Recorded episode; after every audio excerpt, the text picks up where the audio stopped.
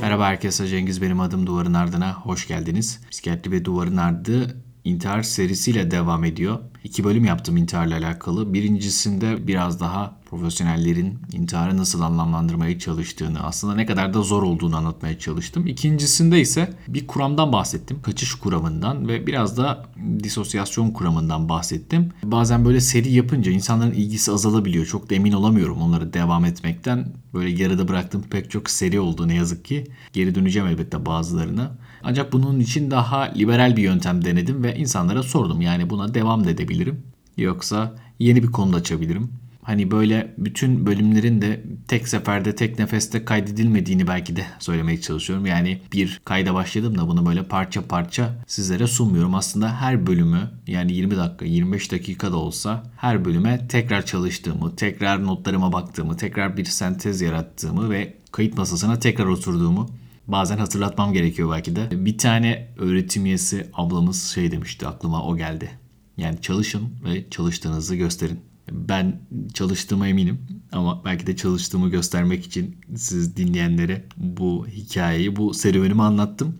Ve intihar serisinin 3. bölümünde yeni yepyeni kuramları anlatmaya çalışacağım. Hem de Covid yoğun bakımdan gelir gelmez ayağımın tozuyla kayıt masasına oturdum. Yeniden Covid yoğun bakımda görevlendirilmek de inanılmaz. Yani tekrar bunun bana geleceğini hiç düşünmemiştim. Bir tur daha gelirse artık Covid yoğun bakım ben de aşı karşıtı olacağımı buradan ilan ediyorum. Çünkü bir şeyi alt edemiyorsan onun yokluğuna inanmak, uydurma bir şey olduğuna inanmak çok daha kolay geliyor artık. İnsanların neden bu kadar karşı olduğunu yavaştan anlamaya başladım. Bu arada güzel birkaç haber daha var. Psikiyatri ve Duvarı Nerede Spotify'da 40 bin takipçiyi geçti. Yani Spotify için yüksek bir rakam. Yani dinlenme 40 bini bulmuyor elbette. Ama abone sayısı fazla. İnsanlar abone oluyor. Bir daha belki dinlemiyorlar herhalde. Ya da bir ara dinlerim diye abone olup dinlemeyi unutuyor olabilirler. Yani sizler de tanıdıklarınız varsa podcast'ta ilgi duyan, psikolojiye, psikiyatriye ilgi duyan insanlar onlara muhakkak bahsedin ve bahsetmekte kalmayın. Çalışın ve çalıştığınızı gösterin. Yani önerin ve dinlettirin. Belki bir küçük rica daha. 40 e, binden fazla takipçi Spotify'da, Apple'da, Google'da, diğer podcast mecralarında ne kadar abone var onlar bilinmiyor. Şu bir gerçek ki 5000 takipçisi bile yok Instagram'da. Belki oraya da küçük bir dokunuş yapabilirsiniz. Henüz Instagram'da Duvarı Nerede Pod'u takip etmeyenler varsa Orada da değişik bir Instagram kullanımım var. Böyle e, buradaki kadar ciddi değilim. Herhalde sosyal medya insanı biraz daha gevşetiyor. Ama olsun yani bu podcast işini de iki yıl önce çıktığımızda insanların tepkilerini, yorumlarını hatırlıyorum. Gerçekten ben de hani düşünüyorum o yaşlarımı. Yani çok büyüdüğüm söylenemez ama aradan geçen zamanda insanın cesaretini kıracağı pek çok an yaşanıyor. Pek çok eleştiri, pek çok yani bu olmamış ifadesi var açıkçası. Bir de İnsan bazı işlere başlarken kendinden öncekilerden ilham almanın yanında kendinden öncekilerden çekiniyor da. Yani birileri sizden daha iyi yapmışsa bir şeyleri, sizden daha da önce başlamışsa ve siz aynı yola çıkan birisiyseniz bir miktar çekiniyorsunuz ama burada başka türlü bir motivasyonla devreye girebiliyor. Montesquieu'nun bir kitabı var Kanunların Ruhu Üzerine diye. O da bu kitabı yazarken ki serüveninden bahsederken büyük bir siyasi, politik yazar, felsefeci, belki sosyoloji kuramlarının öncülerinden biri olsa da kendisiyle ilgili şöyle bir şeyden bahsediyor. Fransa'daki, İngiltere'deki ve Almanya'daki büyük adamların benden önce yazdıkları şeyleri görünce onlara hayranlık duydum. Fakat cesaretimi asla kaybetmedim. Tıpkı İtalyan ressam Antonio Allegri de Correggio'nun yaptığı gibi bu adamın da hikayesi şöyleymiş. Yani sonradan baktım büyük bir ressammış. Biraz benim cahilliğim hani sanat tarihi pek bildiğim konular değil ama Raffaello'yu biliyorum en azından. Onun ünlü Sistim Meryem'ini görüyor bu Antonio Allegri ve o eserin önündeyken şöyle bir şey diyor. Ben de ressamım. Evet bazen bir şeyleri birileri bizden daha iyi yapabilir, bizden önce yapabilir. Çok çok güzel yapabilir. Ama ben de podcasterım diyebilirim yani. Ben de podcast yapıyorum. Ben de psikiyatristim.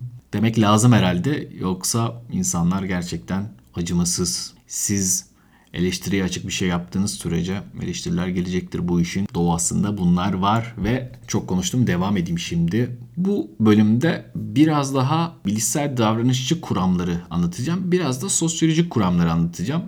Ve Durkheim'in intihar kuramı en öne çıkan şey sosyolojik kuramlar içerisinde. Durkheim'dan sonra pek çok insan, pek çok sosyolog aslında bu kuramların üzerine çalışmış. İntihara dair bazı kuramlar geliştirmiş. Ama bunların hepsine tek tek değinmek biraz yorucu olabilir, sıkıcı olabilir. Durkheim'i duymuşsunuzdur ama İntihar diye bir kitabı var. Ben de bu sene sosyolojiye başlamıştım. Birinci sınıfı bitirdim. Son sınavıma da bu hafta içi girdim. Hatta sosyoloji tarihiydi son sınavım. Burada da yine Durkheim'le ilgili sorular vardı. Klasik sosyoloji içerisinde.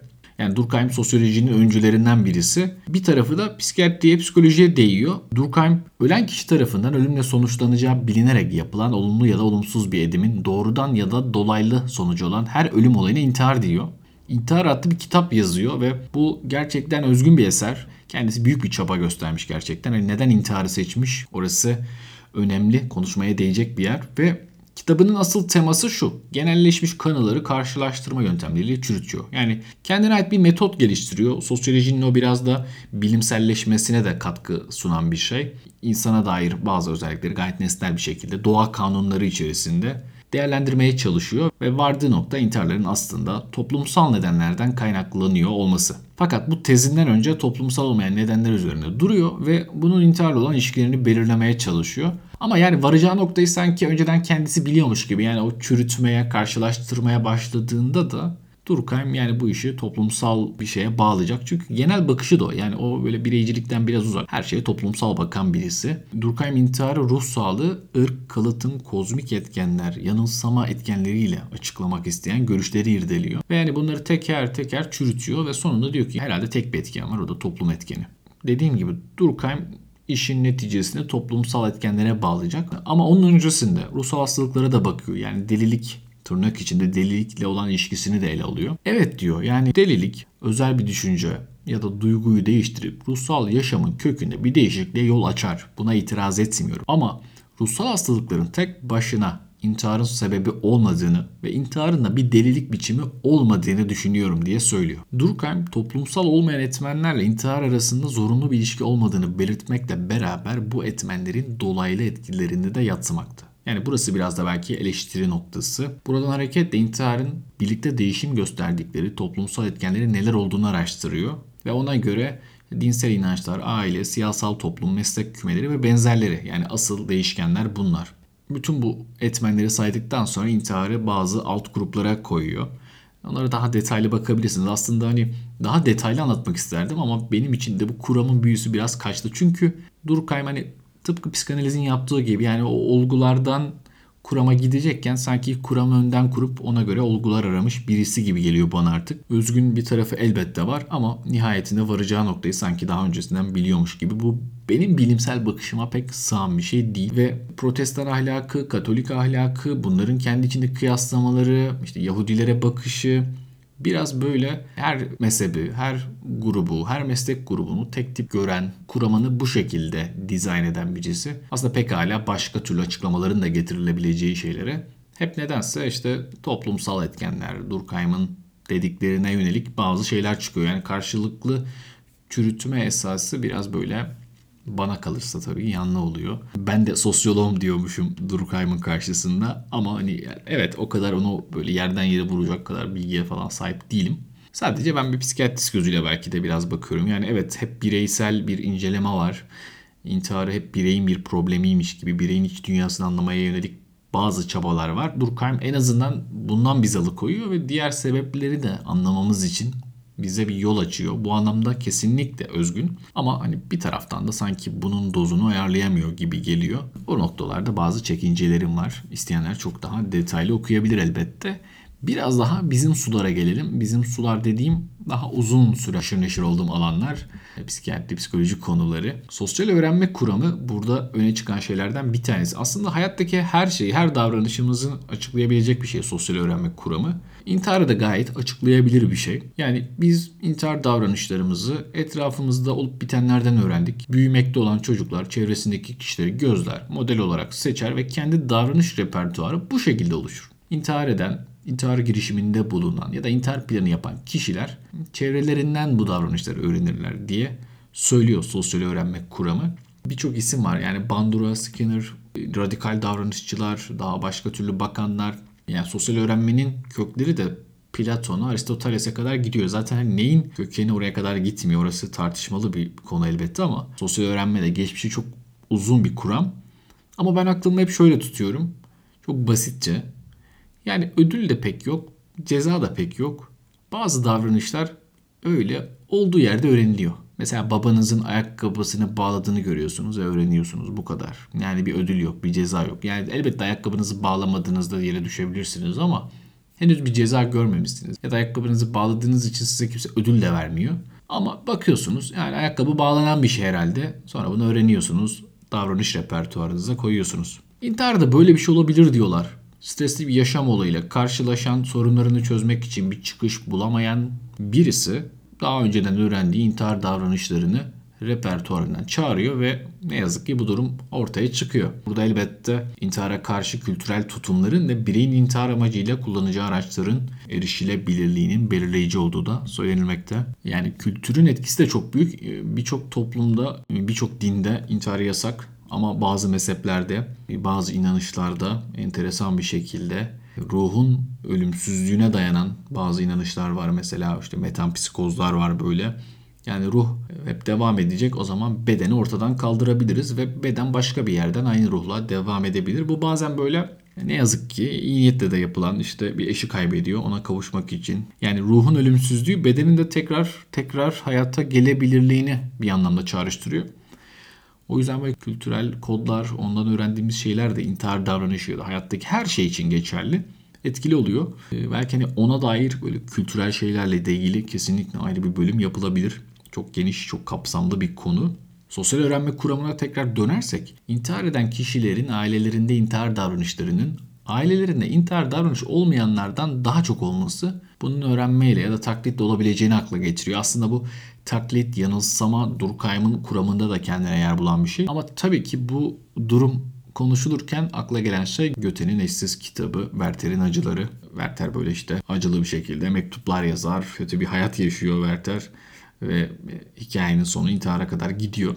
Öyle ki bu yazar bu kitabı yazdıktan sonra yani 1774 yılında piyasaya çıkıyor ve Almanya sokaklarında bir Werther salgını ortaya çıkıyor. Ortalıkta böyle mavi ceketli, sarı pantolonlu, duygulu gençler her tarafı istila etmiş. Ve pek çok intihar olgusu var o zamanlarda. Ne yazık yani bizde de belki bunun Murat Kekil etkisi denebilir. Bir dönem böyle değil mi emo gençler dediğimiz çok böyle işte duygusal şarkılar dinleyen, tripolik rap dinleyen insanlar vardı. İntihar ettiler bilmiyorum ama böyle herhalde o gençlerin sosyal öğrenme ve ona dair şeylerden etkilenme ihtimali daha yüksek zannedersem. O yüzden hani o grupta daha çok görüyoruz. Bir de sosyal öğrenme dediğimiz şey olduğu için yani 65 yaşında bir adamın yeni bir şey öğrenmesi daha az bir ihtimal. Genç bireyin yeni bir şey öğrenmesi ve hayatında kullanması tabii ki çok daha olası. Aslında bununla da ilgili çok fazla bir önlem var. Bir şekilde insanları bilgilendirme çabası var ama pek başarılı olmuyor. Özellikle Türkiye Psikiyatri Derneği'nin de çabaları var. Yani bu birçok intihar konusu konuşulduğunda dile getirilen bir şey. Yani intihar haberlerini kardeşim düzgünce ver. Gazetede, televizyonda, internette şunu düzgünce ver. İntihar haberlerinde olaya ilişkin görüntüler kullanılmamalı. İntihar davranışın özendirici, yüceltici, kahramanlaştırıcı ya da normalleştirici söylemlerden kaçınılmalıdır diyor dernek. Niye? Yani işte bu sosyal öğrenme kuramına dair bir şey. Yani aslında burada intiharın politik, işte özgür iradeye karşı bir şey olması gibi bir durum söz konusu değil. En azından sosyal öğrenme kapsamında intihar bu şekilde göstermeye diye söyleniyor. Ama öyle bir şey ki bizde sosyal öğrenme çok daha başka türlü kullanılıyor. Ne zaman ki politik anlamda, siyasi anlamda çıkmaza girmiş bir siyasetçi var, bir bürokrat var. Boğaziçi Köprüsü'nün oradan geçerken hemen böyle bir adam görülür. İntihar girişiminde olunan nasıl bir şeyse yani günün o saatini seçmiş tam o protokolü geçerken. Arabalar sağa çeker. Evladım sen niye atlamak istiyorsun? İşte şundan dolayı bundan dolayı tamam gel hadi verdim der ve işte o kahraman olur bir hayat kurtarır. Aslında kurtardığı kişi adam değil herhalde kendi siyasi kariyeridir yani. Bu da sosyal öğrenmeyle Türk siyasetinde kendine bir yer bulmuştur. İntiharı şova dönük bir şekilde önlemeyi öğrenme davranışı gibi bir karşılığı olmuştur Türk siyasi arenasında. Enteresan bir olay ve böyle siyasi bir motife de dönüşmüş durumda. Üç adım teorisi Okuduğumda çok basit gelen ama bir yandan da çok aklıma yatan bir teori. Klonsky ve May tarafından 2014'te geliştiriliyor. İntihar teorilerinde araştırma ve önlemeye bir eyleme dönüştürme çerçevesini rehberlik etmesi gerektiğini savunuyorlar. O yüzden hani intihar düşüncesinin gelişiminden intihar girişimine doğru ilerleyen o 3 adımı böyle bir çerçeve içinde sunuyorlar. Çok basitçe sorular var aslında. Yani şöyle bir taslak düşünelim. Birinci adımda şunu soruyoruz. Acı ve umutsuzluk içinde misin? Kişi hayır derse O zaman ne güzel işte tamam. Düşünce falan yok. Evet ders bir intihar düşüncesi var gibi şu an için. Sonra ikinci adıma geçiyoruz. Soruyoruz. Yani senin şu anda çektiğin acı, ızdırap, sahip olduğun sosyal destekten daha mı büyük? Hayır derse tamam hani ya sen bu düşünceler üzerine biraz daha düşün. Hani biraz daha bunların üstesinden gelmeye çalış diyorsun. Ama hayır kardeşim benim acım benim sosyal desteğimden daha büyük. Yani ben yalnızım.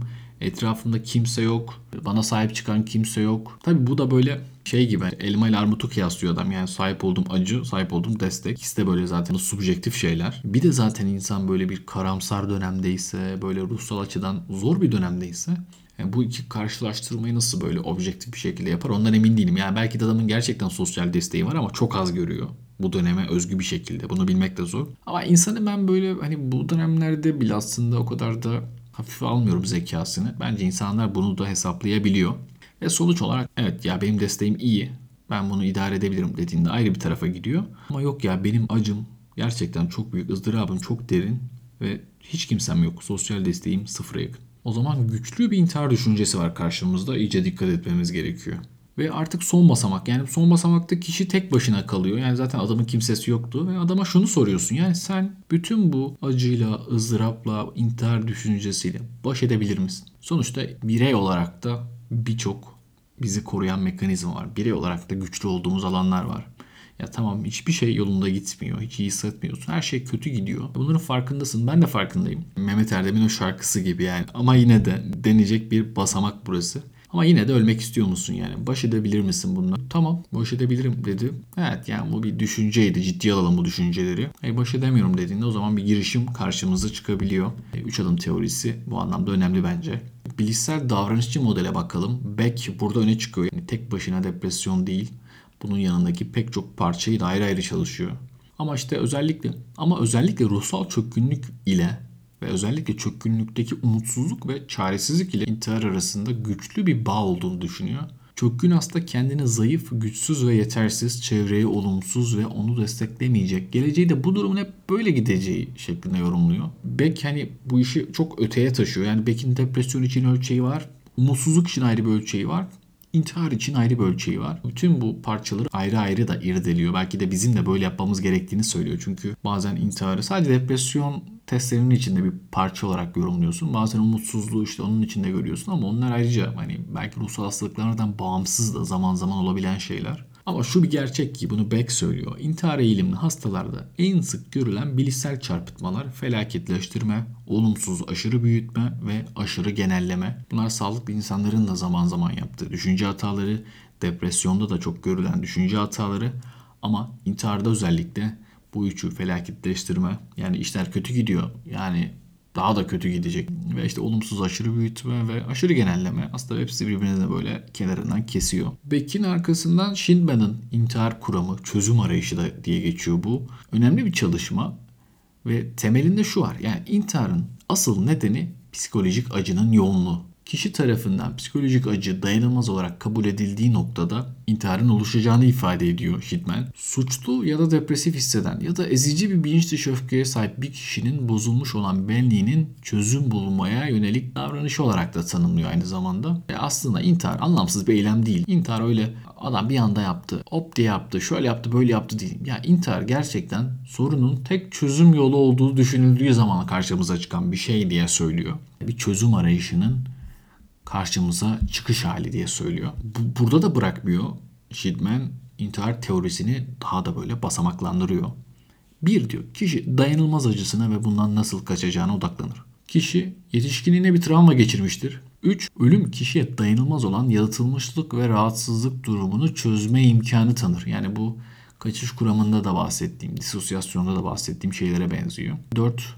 Kişi tüm bilinçli yaşamına son vermeyi arzulamaktadır ve bu amacını başarmaya çalışmaktadır. Hani en azından ben bunu başarayım gibi. 5 kişi yıkıma uğrar, kendisini reddedilmiş, başarısız ve umutsuz hisseder. Yani depresyonda da olan şeyler aslında. 6 kişinin çelişkili duygular, istekler ve davranışlar arasında kalması. Gerçekten bu ambivalent tutum. Hatta neredeyse ambitandans. Yani eline bıçağı alır, damarın üstüne koyar. Keseyim mi kesmeyeyim mi? İlacı ağzına atar, yutayım yutmayayım mı? Gerçekten çok yoğun çelişkiler yumağı İntihar ne yazık ki en azından intihar düşünceleri o zamanlarda. 7. Kişi yoğun duyguları ve çelişkili mantığıyla algıları arasında kalır ve kendini bunlarla zehirler. 8 kişi sahneden çekilmek, uzaklaşmak, gitmek ve yok olmak ister. 9 kişi yaşamını kısaltan davranış örüntüleri sergiler. Hani karşıdan karşıya geçerken sağa bakmaz, sola bakmaz ve belki Türkiye'de otomobil sürücülerinin ona yol vereceğine inanmaya başlar bir anda. Yani bir anda Türkiye'nin medeni bir ülkeye dönüştüğünü falan düşünür. Aslında yaşamını kısaltan davranış örüntüleri e, sergiler.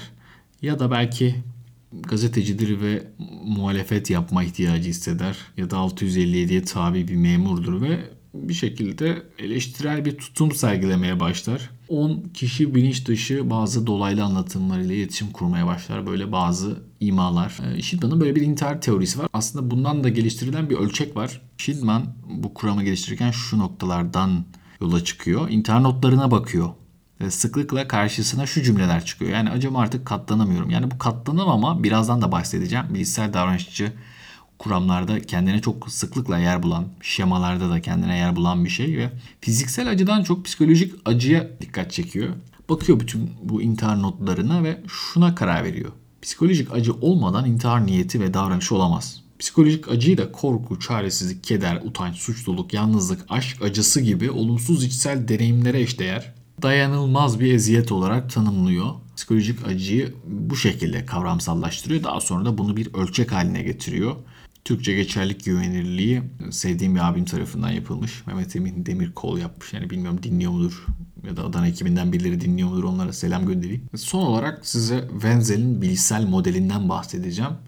Aslında bu Beck'in el verdiği insanlardan birisi. Beck'le beraber geliştiriyorlar bu modeli. Wenzel'in bilişsel modelinde 3 tane şey var. 1. Yatkınlık etmenleri. 2. Ruhsal hastalıklarla ilişkili bilişsel süreçler. 3. intihar eylemiyle ilişkili bilişsel süreçler. Yatkınlık etmenlerinde dürtüsellik ve bununla ilişkili kavramlar var ama burada dürtüsellik Bilmiyorum hastalara da bunu söylediğinde pek anlaşıldığımı düşünmüyorum. Yani bunu arkadaşlar aramızda da konuştuğumuz yani dürtüsellik nedir, ne geliyor aklına dediğinde aslında herkesin net bir cevap verdiğini söylemek pek mümkün değil. Nitekim çalışmalarda da öyle olmuş. Yani bu Barat dürtüsellik üzerine çalışan adam, en çok çalışan adam o planlamada yetersizlik ve o ana odaklama olarak tanımlıyor. Swan ise yanıt vermeye ket vurma yetisinde bir kayıp olarak görüyor. O yüzden bununla ilgili sonuçlar da biraz çelişkili. İkinci şey sorun çözme yetersizliği. Gerçekten yatkınlık yaratan bir etken. Aşırı genelleşmiş bellek. Bu çok önemli intihara giden süreçte. Böyle anıları artık hatırlayamıyor insan. Yani ayrıntılı bir şekilde hiçbir şey hatırlamıyoruz. Böyle her şey bir belirsiz. Ve kişilik özellikleri özellikle mükemmelliyetçilik ve nörotizm. Yani bu mükemmelliyetçiliği de yine anlattım kaçış kuramında. Mükemmelliyetçiliğin işe yaradığı çok az yer var şu hayatta benim anladığım kadarıyla. Ve bilişsel süreçler karşımıza çıkıyor. Burada şunlar önemli. Bilişsel sürecin merkezinde umutsuzluk yer alıyor. Aslında birçok kuramın ortasında umutsuzluk var. Gelecekle ilgili olumsuz beklentiler. Şimdi iki tane umutsuzluk hali var. Bir tanesi sürekli şekilde umutsuzluk. Süren karamsarlık, sürekli karamsar öngörüler, olumsuz durumlarla tetikleniyor ve daha çok planlı intiharları görüyoruz burada. Açıkçası bu şemanın belki de özet cümlesi şu. Hiçbir şey düzelmeyecek. Yani burada bir plan var artık. Yani adam bakıyor olmuyor. Bir karamsarlık geliyor. Yani artık olacak gibi değil yani. Boş ver diyor. Diğer taraf dürtüsel taraf daha da belki ilginç, daha beklenmedik bir şey. Yani adamın depresyonu da pek yok. Yani görünürde bir şey yok. Gayet iyiydi diyor herkes. Bunlar belki insanları daha çok şaşırtıyor, daha çok şoka uğratıyor. Burada ortaya çıkan şey katlanamama teması. Yani burada umutsuzluk böyle süren şekilde değil. Bir şey de yok pek görünürde. Bir anda katlanım aşaması aktifleşiyor ve zorlanmayı kaldıramıyor kişi ve dayanılmaz buluyor. Belki biraz daha gurur, belki bir anda işte bir mobbing, bir işin altında kalma, böyle anlık oluşan bazı olumsuzluklar. Yani bunun da özet cümlesi bu şemanın belki artık dayanamıyorum. Şimdi bu şemalar aktif hale geldiğinde sadece durumsal umutsuzluk tetiklenmiyor. Bilgi işleme süreçlerinde de yanlılık görülüyor ve intihar ile ilişkili uyaranlara karşı dikkat yanlılığı oluşuyor. Aslında buna işte Wenzel dikkatin saplanması adını veriyor. Yani intihar tek çare düşüncesi kişinin beynine hücum ediyor. Ve tabii ki bu düşünceler hemen öyle olmuyor ama bunun öncesinde böyle bir huzursuzluk, ajitasyon, birbiriyle yarışan düşünceler, o ambivalans içinde kişinin bir taraftan yoğun bir intihar düşüncesi ve bu düşüncelere saplanıp kalma hali ve o bakış açısının daralmasıyla beraber benzer bu ismi vermiş. Yani dikkatin saplanması. İntiharla ilgili çok fazla şey var konuşulacak. Bugün biraz daha bilişsel davranıcı taraftan ve başında biraz sosyoloji tarafından bahsettim. Bir sonraki bölümde zannedersem evrimsel bakışa biraz daha bakmaya çalışacağım. Ama belli olmaz benim işim. Umarım dinlemeye devam edersiniz, keyif almaya devam ederseniz ben de üretmeye devam ederim. Bu bölümü beğenirseniz ya da daha önceki bölümleri de beğendiyseniz hani bu bölümü beğenmediniz diye öncekilerin kredisini harcamayalım. Paylaşırsanız çok sevinirim. Buraya kadar sabredip dinleyen herkese çok teşekkür ederim. Kendinize iyi bakın, hoşçakalın.